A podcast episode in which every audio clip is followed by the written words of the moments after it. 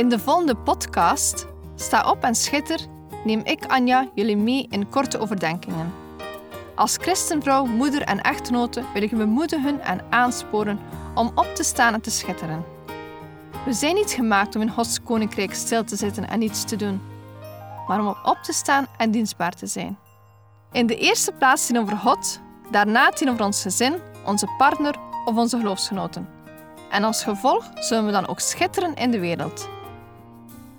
Neem je Bijbel bij de hand, want zonder Bijbel zijn we als een kok zonder eten of een zanger zonder stem.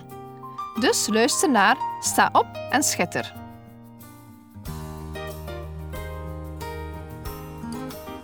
We zijn aangekomen in uitzending 24. Zo'n twee maanden geleden stonden we stil bij het wonder van het kerstverhaal. De geboorte van Jezus die vrede en hoop in de harten brengt. Ik hoop dat die vrede en hoop nog steeds in je hart is. Vrede en rust die alle verstand te boven gaat. Hoop op de terugkomst van Jezus. Vandaag neem ik jullie mee in het leven van Simeon en Anna. Twee personen die een voorbeeld zijn van hoopvol wachten op de redder. Laten we onszelf even in de schoenen van het Joodse volk plaatsen in de dagen vlak voordat Jezus werd geboren. God had in ongeveer 400 jaar niet door de profeten gesproken. Stel je voor, tussen de tijd van Malachi en het Nieuwe Testament zit er 400 jaar stilte. Ja, stilte. Ik denk dat sommigen zich begonnen af te vragen of God hen vergeten was. Misschien is er bij jou ook wel eens een tijd waarin je begint te twijfelen aan Gods trouw. Twijfelen aan zijn terugkomst. Dan zijn Simeon en Anna een voorbeeld voor ons. Het verhaal speelt zich af in de tempel waar Jezus ongeveer 40 dagen oud is. We lezen in Lucas 2, versen 22 tot met 24. En toen de dagen van de reiniging volgens de wet van Mozes vervuld waren, bracht zij hem naar Jeruzalem om hem de Heere voor te stellen. Zoals geschreven staat in de wet van de Heere. Al wat mannelijk is, dat de moederschoot opent, zal heilig voor de Heere genoemd worden, en om een offer te brengen, volgens wat gezegd is in de wet van de Heere. Een paar trottelduiven of twee jonge duiven. We lezen hier hoe Jozef en Maria de oud-testamentische reinigingsrituelen in acht nemen, die we kunnen terugvinden in Leviticus 12, vers 6. Normaal moeten de ouders een lam van een jaar oud als brandoffer en een jonge duif of tortelduif als zondoffer bij de priester brengen. Maar als iemand arm is en zich geen lam kan veroorloven, dan mogen het twee tortelduiven of twee jonge duiven zijn, één als brandoffer en één als zondoffer. Daarmee zal de priester verzoening en reinheid brengen. Het feit dat Maria geen lam brengt en slechts twee jonge duiven, is een teken van de armoede waarin Jezus wordt grootgebracht. We lezen verder en gaan naar versen 25 tot en met 27 het eerste zinnetje. En zie, er was een man in Jeruzalem van wie de naam Simeon was. En die man was rechtvaardig en godvrezend. Hij verwachtte de vertroosting van Israël en de Heilige Geest was op hem. En hem was een goddelijke openbaring gegeven door de Heilige Geest, dat hij de dood niet zien zou voordat hij de gezal van de Heere zou zien. En hij kwam door de Geest in de tempel. We lezen hier over Simeon. Zijn naam betekent horen. Hij heeft leren luisteren naar de stem van God. Dat is ook in zijn leven te zien. Een rechtvaardig en godvrezend man. De omstandigheden in Israël waren echt somber.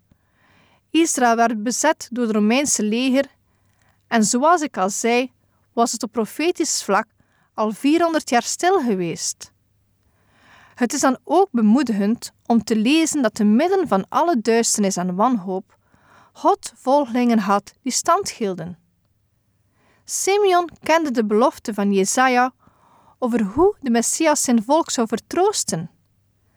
En zag er dan ook rijkhalsend naar uit. Hij was ook vervuld met de Heilige Geest en had een prachtige belofte ontvangen dat hij voor zijn dood de redder zou zien. Hoe prachtig is dit om te zien hoe hij door leiding van de Heilige Geest op het juiste moment in de tempel was. We lezen verder tot en met 32. En toen de ouders het kind Jezus binnenbrachten om met hem te doen volgens de gewoonte van de wet, nam hij het in zijn armen, loofde God en zei: Nu laat u, Heere, uw dienstknecht gaan in vrede, volgens uw woord. Want mijn ogen hebben uw zaligheid gezien, die u bereid hebt voor de ogen van alle volken, een licht om de heidenen te verlichten en om uw volk Israël te verheerlijken. Toen Simeon Jezus zag, wist hij direct: dit is de lang verwachte redder. Hij nam Jezus in zijn armen en prees God. Simeon zag geen hulpeloze baby, maar met zijn profetisch inzicht zag hij de redding voor de hele wereld. Hij zei: Heer, nu kan ik in vrede gaan. Ik heb de heiland gezien die u aan alle mensen hebt gegeven. Hij is een licht om alle mensen tot God te leiden. De belofte die hij gekregen had, was in vervulling gegaan. Hij had de redder gezien voor zijn sterven. We weten totaal niet welke leeftijd Simeon had en hoe lang hij nog leefde na dit gebeuren. Maar één ding is zeker: hij was vol lof en blijdschap. Dit verhaal gaat nog verder. We lezen versen 33 tot 35. En Jozef en zijn moeder verwonderden zich van wat er over hem gezegd werd. En Simeon zegende hen en zei tegen Maria, zijn moeder: Zie, dit kind is bestemd tot val en opstanding van velen in Israël, en tot een teken dat tegengesproken zal worden, ook door uw eigen ziel, zal een zwaard gaan, omdat u de overwegingen uit veel harten openbaar worden. Het zijn geladen woorden, die natuurlijk vooruitwijzen naar hoe de weg van deze baby zal gaan. Simeon zegt duidelijk dat sommige mensen hem zullen verwerpen en dat ook Maria het zwaar zal krijgen. Er was die dag nog iemand in de tempel, genaamd Anna, of sommige vertalingen gebruiken de naam Hanna. Laten we verder lezen, versen 36 tot en met 39. Ook Anna was er, een profetes, een dochter van Fanuel, uit de stam van Aser. Zij was op hoge leeftijd gekomen en had na haar meisjesjaren zeven jaar met haar man geleefd. En zij was een weduwe van ongeveer 84 jaar, die de tempel niet verliet en met vasten en bidden God nacht en dag diende. En zij kwam er op dat moment bij staan en beleed eveneens de Heere. En zij sprak over hem tot allen die de verlossing in Jeruzalem verwachten. En toen zij alles volbracht hadden, wat er volgens de wet van de Heere gedaan moest worden, keerden zij terug naar Galilea, naar hun stad Nazareth. Na de bijzondere man Simeon brengt Lucas een bijzondere vrouw naar voren. Haar naam is Anna, dat betekent genade. Ze was 84 jaar oud en weduwe. Haar man was gestorven toen ze nog maar zeven jaar getrouwd waren. Ik zou zo graag Anna willen bezig zien in de tempel. Ze gaf niet op nadat ze alleen was komen te staan. Ze bleef trouw aan God. En er staat duidelijk: ze verliet de tempel niet en diende God met vasten en bidden, dag en nacht. Wat een voorbeeld voor ons. Ondanks leeftijd en tegenslagen bleef ze zich dienstbaar inzetten. En niet een beetje, maar voor 100 procent. Als weduwe hoorde Hanna bij een kwetsbare groep in Israël, voor wie de schrift steeds weer bijzondere aandacht vraagt. Ongetwijfeld voelde deze godvrezende weduwe de ellende waarin Israël verkeerde. Ze wist in welke toestand Gods volk zich bevond. Zowel Simeon als Anna bleven trouw in tegenspoed. Ze bleven wachten en hoopvol uitzien. God stelde hen niet teleur, maar stond hen toe Jezus te zien. Simeon en ook Anna kunnen hun weg in vrede gaan, omdat ze zich realiseren dat de redder is gekomen. En ook wij mogen in die ingesteldheid leven. Hoe je levensomstandigheden ook zijn, zie uit naar Jezus zijn komst. De belofte is aan ons gegeven. Hou je daaraan vast. Hij is trouw op zijn tijd. We mogen nooit vergeten dat God altijd zijn beloften houdt. We moeten geduld hebben en weten dat God de touwtjes in handen heeft. Zijn timing is altijd perfect. In het Oude Testament beloofde God dat hij een Messias zou sturen om alle mensen te redden. De mensen wachten en wachten. En precies op het juiste moment zond God Jezus naar de aarde. En neem Simeon en Anna als voorbeelden van hoopvol blijven verwachten.